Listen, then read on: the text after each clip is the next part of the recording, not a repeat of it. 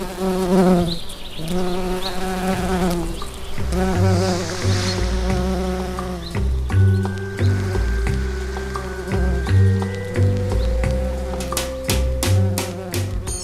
på er!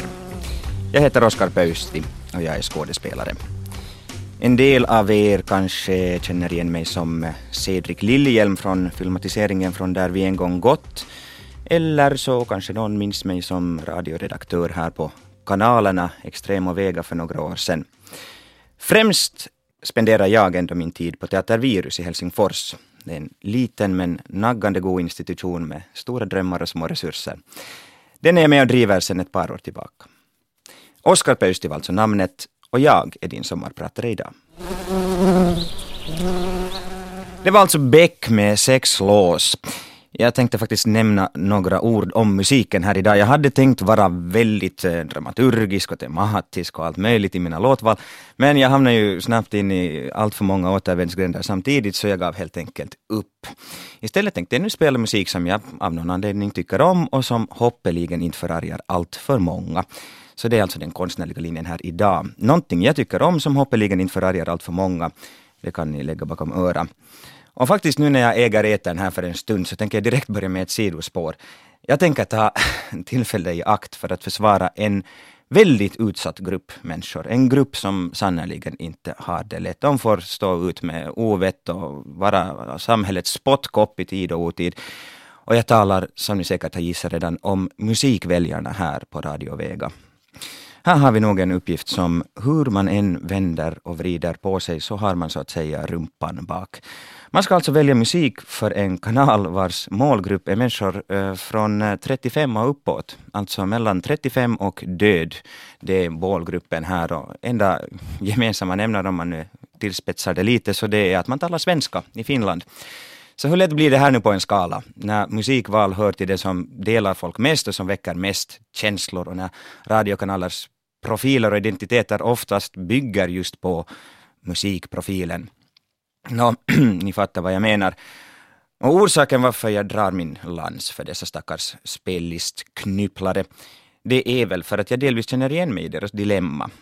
Att driva en liten teater och fundera kring dess konstnärliga linje i ett klimat av hård konkurrens och begränsat publikunderlag, det är som att balansera mellan två fallgropar. Å ena sidan måste du vara dig själv, du måste göra din grej, för annars har du ingenting att komma med. Men å andra sidan får du inte bli alltför snäv, inte alltför exklusiv och inte bara stirra i din egen nappa, för då vill nu ingen komma till dig heller. Nåjo, lite mer om den här balansen senare. Jag heter alltså Oskar Pöysti, jag är skådespelare och jag är din sommarpratare här idag. Jag är 30 år gammal och bor i Helsingfors där jag också delvis är uppvuxen.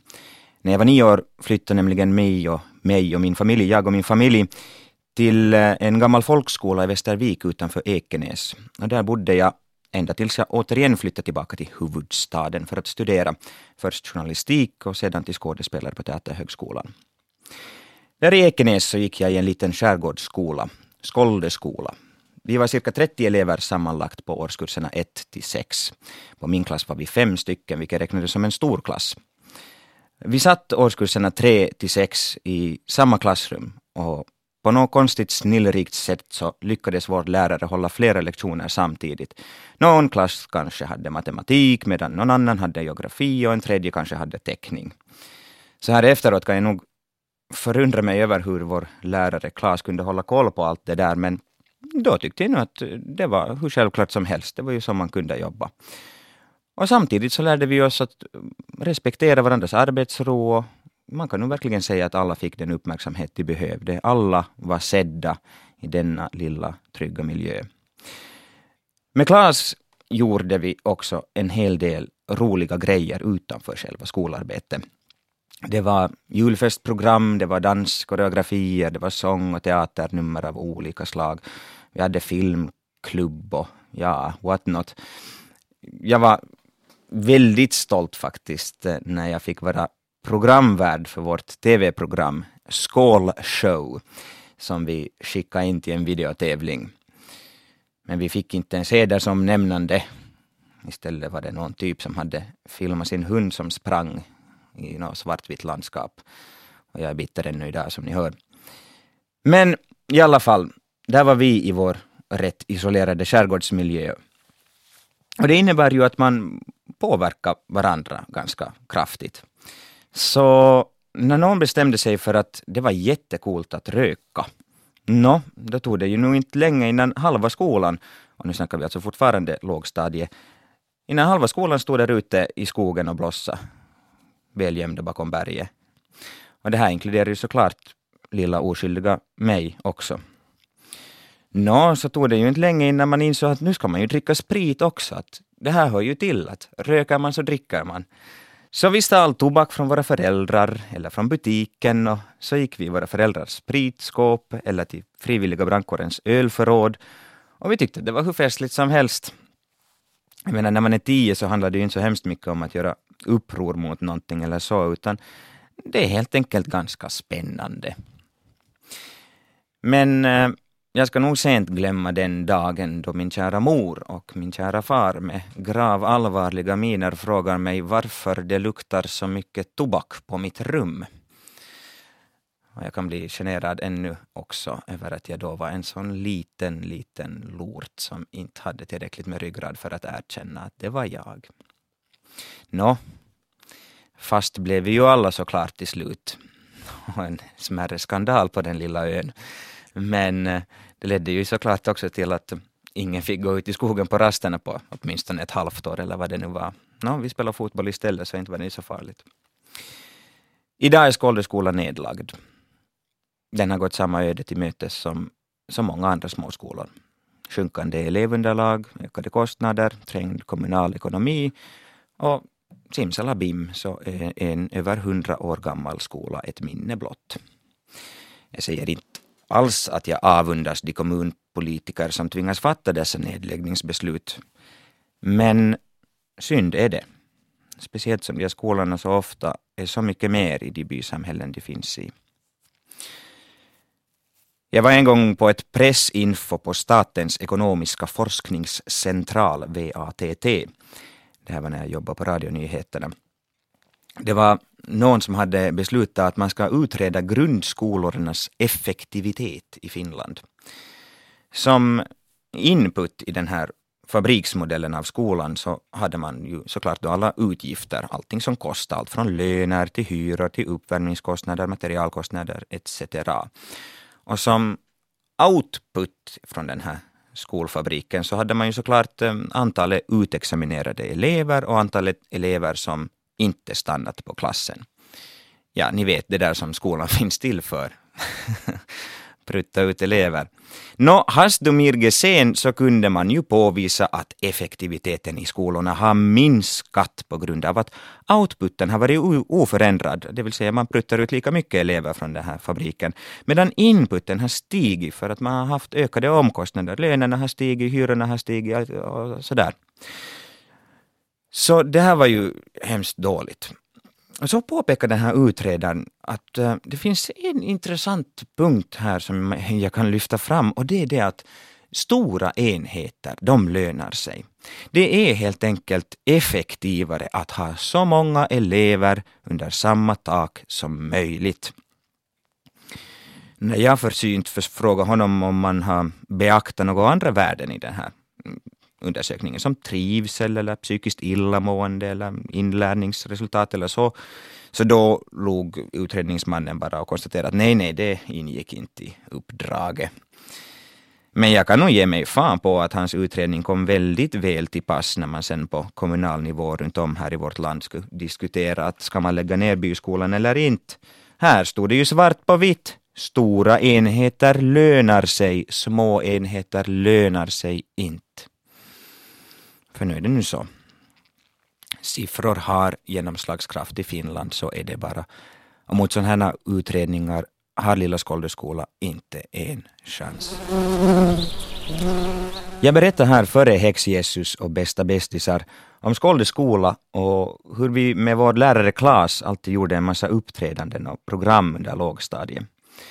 Och det var faktiskt Klas som eh, lite insisterade på och uppmanade mig att som tolvåring söka rollen som Emil i Lönneberga på Raseborgs sommarteater. Jag var lite motsträvig till en början men tyckte väl sedan att no, det kan ju vara roligt. Så med mamma i hand åkte jag på provspelning. Nå, jag liknar ju Emil upp i dagen, kort och linblond som jag var, så jag hade säkert en naturlig fördel, men nå, någonting gjorde jag säkert rätt också, för det gick vägen och jag fick rollen. Och det gick också vägen med det här skådespelande. Jag märkte att det här var ju skitkul. Det här. Jag står på scenen och jag leker låtsas och så är det tusen människor som sitter och tittar på mig och är med på leken. Helt fantastiskt. Jag har någon gång funderat på det här att om utomjordingar skulle komma till vår planet och studera vårt beteende, våra samhällen och våra kulturer, så då skulle de nog lite skaka på huvudet åt det här med teater. Alltså att någon stiger upp på en estrad och så låtsas den vara någon annan och så låtsas den gå igenom en massa svårigheter kanske och så sitter resten tysta och följer med det här och när allting är slut så klappar de i händerna och säger åh vad bra du låtsades, åh vad roligt att du låtsades, tack tack tack för att du låtsades. Nå, jag hade i alla fall väldigt roligt som Emil. Och jag måste nog erkänna att det var nog kanske något av en powertrip att märka att jag ju fan kan påverka den här situationen. Jag kan ju påverka människor. Att beroende på mina val så kan jag föra publiken åt en det ena eller det andra hållet. Jag har deras uppmärksamhet. Nå, det gick alltså bra och alla var nöjda. Men sen märkte jag hur fler och fler och fler började puffa mig i armen och sådär menande konstatera att jo, jo, ser du, ser du, ser du nu, märker man, ser du, ser du, att det sitter i generna nu, ser du, ser du, jo, jo, jo, att du ska säkert bli skådis du med, ser du, ser du. Nå, heter man Pöysti i Finland och kommer från en teatersläkt så får man ju såklart räkna med sånt här.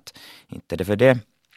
Men just då i början av tonåren så var det kanske inte bästa tajmingen när man har ett behov av att hitta sin egen plats och sin egen grej. Så jag beslöt att jag aldrig skulle bli skådespelare. Som en protest mot alla de här förväntningarna.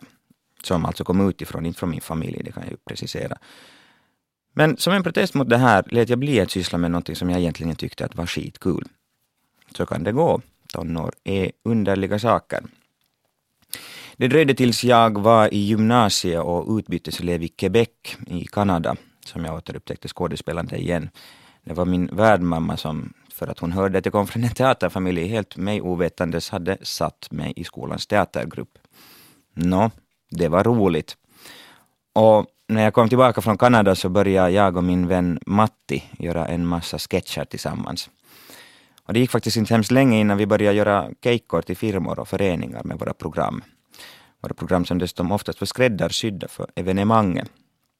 Nå, kaxiga och lata och unga och hybris som vi var så, så det här sköt vi alltid såklart upp det här med att skriva och öva programmen till helt sista minuten.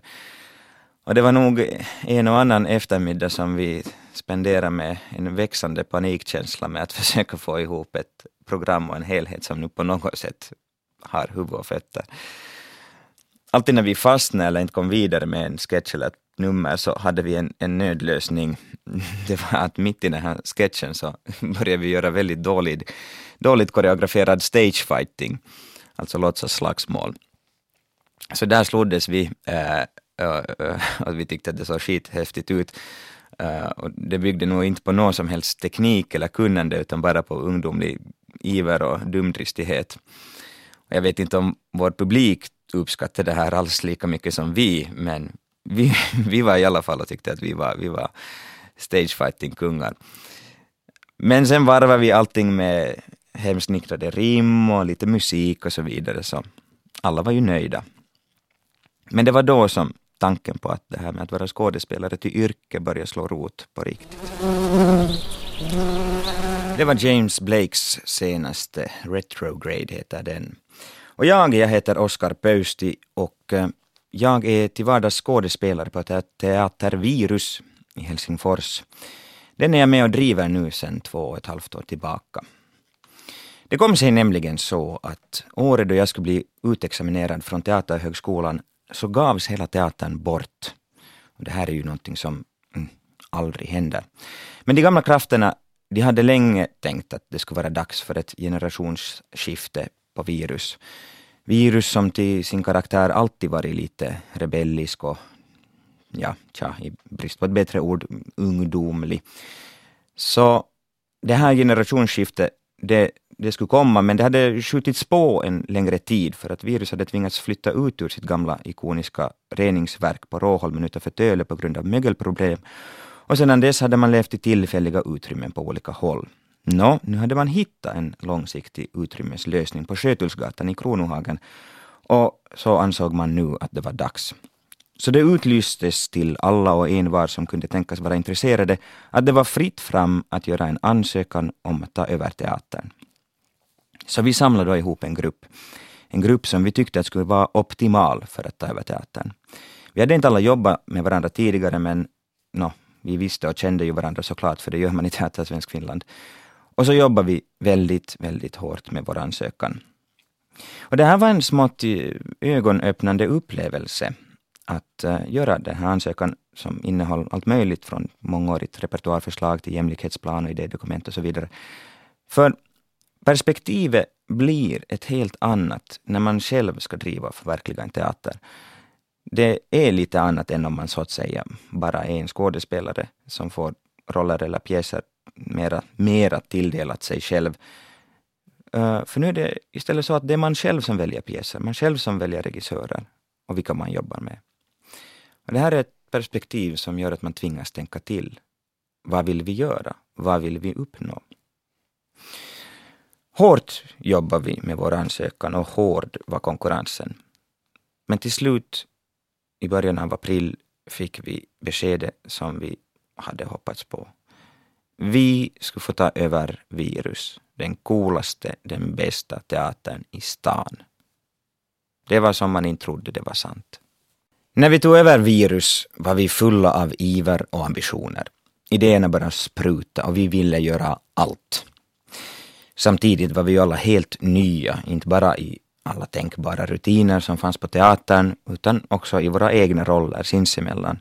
Vår egen arbetsfördelning, vår egen förmåga att ge, vår egen förmåga att ta ansvar. Och trots att det var väldigt roligt och det verkligen kändes som att vi var rätta människor på rätta platser, så var vi nästan helt slut efter bara ett halvt år. Nå, det iddes vi ändå inte lyssna på så mycket, utan vi la istället i en växel till. Men så småningom började den här ivern och överoptimismen på hur mycket man kan spela och producera under ett år, den började ta ut sin rätt. Och det kändes inte riktigt lika kul längre. Det tråkiga är ju det att när man väl satt igång ett teatermaskineri så är det väldigt svårt att stoppa det. Människor är kontaktade, premiärdatum är spikade. Um, det går ju inte att säga att nu är jag lite trött, att kan vi snälla ställa in ikväll? Um, det händer inte. Och inte hjälper det ju att klaga heller. Det är ju man själv som har suttit där och med och godkänt och funderat och beslutat om alla de här spelplanerna och kalendrarna. Nå, summa summarum ledde det här till att jag i fjol våras nog kom det närmsta jag har varit en burnout i mitt liv. Jag märkte att jag hade svårt att koncentrera mig. Jag märkte hur jag kände mig uttänjd. Jag märkte hur jag kände mig tunn. Och jag märkte också att det här började gälla på scenen, inte bara i det dagliga livet. Och då fick jag väldigt dåligt att vara. Ett lågvattensmärke för mig var när vi var i Stockholm och gästspelade på Turteatern med vår föreställning Identitet i en myt. Jag märker då hur jag står där på scenen och är helt väke. Jag står och undrar varför säger nu ingen någonting? Varför är här nu så tyst? Va? Och så märker jag att det är fan min replik. Mm. Blackout händer ju alla nu och då, inte det för det. Men det här höll i sig hela föreställningen. Jag försöker skaka av mig det. Jag försöker, okej, okay, okej, okay, bra, det där hände nu bra, nu skärper jag mig. Och så går det en halv scen och jag är igen helt någon annanstans än i historien jag försöker berätta. Hur jag än försökte ta mig själv i nacken och skaka av mig och säga nåja, nu skärper vi sig oss här nu, så gick det inte. Så där stod jag inför Stockholmsborna och var helt maktlös inför mitt eget agerande. Det är ju hälsosamt för alla att lära sig var ens gränser går. Och man måste kanske ibland gå till de här gränserna för att hitta dem, men man får bara hoppas att man har tur och inte gör sig allt för illa däran när man hittar dem. Livet i storstan blir lätt för mig i alla fall en så här väldigt kakafoni av tankar och idéer som snurrar på där uppe. Och Ibland känns det som om jag går omkring och lever i en verklighet som är väldigt abstrakt. Den är full av trådar och saker åt olika håll och man är väldigt uppe i varven. Därför är det bra att ha motpoler. Och för mig är nog skärgården och sommarställe därför livsviktigt. Det är roligt, jag förundras varje gång av att man kan må så bra av livet där. När dagen bara går ut på att fiska, på att hugga ved, på att kanske reparera eller bygga någonting, på att laga mat eller sen bara stirra mot horisonten. Det är konstigt hur vilopulsen kan sjunka. Tidigare somrar när jag jobbade väldigt mycket och inte hann ut i skärgården så märkte jag att jag hade någon sorts horisontabstinens. Så fort jag kom ut kunde jag bara sätta mig på min favoritklippa och tomstirra, slöstirra bara mot horisonten. Så det är vad jag hoppas göra i sommar också. Reparera en brygga, hugga lite ved, röka lite fisk och alltid nu och då lyfta blicken och titta ut mot vidderna. Då tackar vi Radiohead för det. Jag heter Oskar Pöysti fortfarande och jag är sommarpratare här idag. Under året som gått har jag haft det formella ansvaret för det konstnärliga ledarskapet på Teater Virus, då Maria Lundström var moderskapsledig. Och det här har gett mig, om inte annat så extra mycket anledning att fundera kring eh, vad vår uppgift är och också i förlängningen vad teaterns uppgift är. Teatern slits traditionellt mellan två motpoler som i bästa fall kompletterar och stöder varandra och i värsta fall bara suger energi och förvirrar publiken. Jag talar om så kallad underhållning mot så kallad konstnärlighet. Är man alltså enbart ute för att roa folk eller inte? Den här diskussionen den brukar oftast ganska snabbt reduceras till ett sånt här nähä, vihi, nähä, nå du då, och sen då uh, vid sandlådans kant eller ölglasets rand för den delen. För det finns inga tydliga gränser och alla kan påstå att de har någonting att komma med. Alla kan påstå att de har substans, alla kan påstå att de roar någon. Så det, mm, det blir en nolldiskussion väldigt snabbt. Nå, jag ska inte heller gå in på den här suddigheten desto mer jag har inte tid, men jag kan väl konstatera att virus, varken i publikens eller i våra egna ögon, ses som teatern som har som främsta prioritet att sätta upp dörrsmällarfarser. Vi har gjort uppsättningar som ibland har varit lite annorlunda till sin form än vad man kanske är helt van vid. Men eh, det här har ju nog inte hindrat oss från att fundera väldigt mycket på att det ska vara tillgängligt, det ska vara följbart för publiken och läsbart. Det att man berättar saker och ting på nya sätt, så det ger ju en verkligen inte ett mandat att vara flummig och otydlig i onödan. Nå, det här har resulterat i en rätt så nöjd publik, kan jag väl säga, men tyvärr inte i ett så stort antal. Jag är rädd för, och det här baserar jag på ingenting annat än mina egna upplevelser och kanske fördomar, men jag är rädd för att många människor ser icke-konventionell teater som någonting som bara angår en invigd konstelitistisk krets. Det är så kallad highbrow-kultur som, som nu inte vanliga döda förstår sig på. Och det här känns som en seg uppfattning som jag verkligen skulle vilja motarbeta. Det, det, här är någonting vi också nämner varje gång vi springer i, i skolor och diskuterar våra föreställningar, om de har varit och tittat. Vi brukar göra det ganska ofta på virus.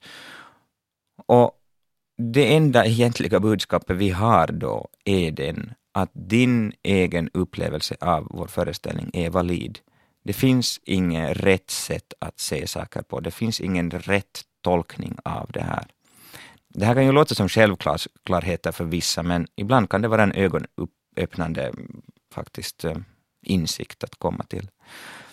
Det är ju ändå så lätt som man föreställer sig att det finns en massa koder och mönster som man själv inte vet om och som gör att man inte kan se saker och ting på rätt sätt och då kan man inte skratta på rätt ställe och då känner man sig dum.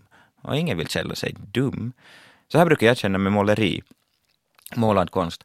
Jag tänkte att jag har ingen rätt att uttala mig om saker och ting för att det finns säkert en massa som de här konstexperterna nu kan se som jag inte ser och om jag nu tycker si eller så om en tavla så det, det, jag har helt enkelt inte mandat eller rätt att säga så. Men det här är ju helt absurt. Inte får det vara så. Så sen när jag insåg att att om jag tycker om någonting så tycker jag om det och då är det en bra tavla i mina ögon. Och ingen har rätt att komma och trampa på min upplevelse av den här tavlan. Och det här har gjort att jag kan ta till mig måleri på ett helt annat sätt. Jag njuter nu för tiden av målad konst. Men det krävde just den här lilla insikten att nej men ser du, det var inte så att det fanns någonting som någon kunde diktera hur jag skulle tycka om den här tavlan. Men frågan kvarstår om vår uppgift. Vad är den? Teater bär sig inte ekonomiskt, eh, förutom kanske på väldigt, väldigt stor kommersiell skala, då Broadway typ, om ens då. Det, det är nu bara så att kostnaderna omöjligt kan möta den möjliga publikmängd som man kan tänkas ha. Men ändå så ses livskraftig teaterkultur som något som är viktigt och värt att upprätthålla av samhället. Det höjer livskvaliteten, det gör att vi lever längre, det här visar forskning entydigt. Och det är helt enkelt en grej värd att satsa på. Det är alltså en form av public service. Någonting som produceras och stöds med offentliga medel för att det inte har förutsättningar att verka på kommersiella villkor, precis som det är sommarpratet. Eller så är det så att man inte helt enkelt vill att det ska verka på kommersiella villkor. Men då inställer sig frågan, vad är det här public service-uppdraget och vem definierar det? Vad ska vi göra? Ska vi, ska vi undersöka samhället omkring oss, fånga upp allt det här, sätta det på scenen? Eh, ska vi genomleva det mänskliga dilemmat istället för dig, den vanliga publiken, eller ska vi locka så stor publik som möjligt för att berättiga vårt understöd?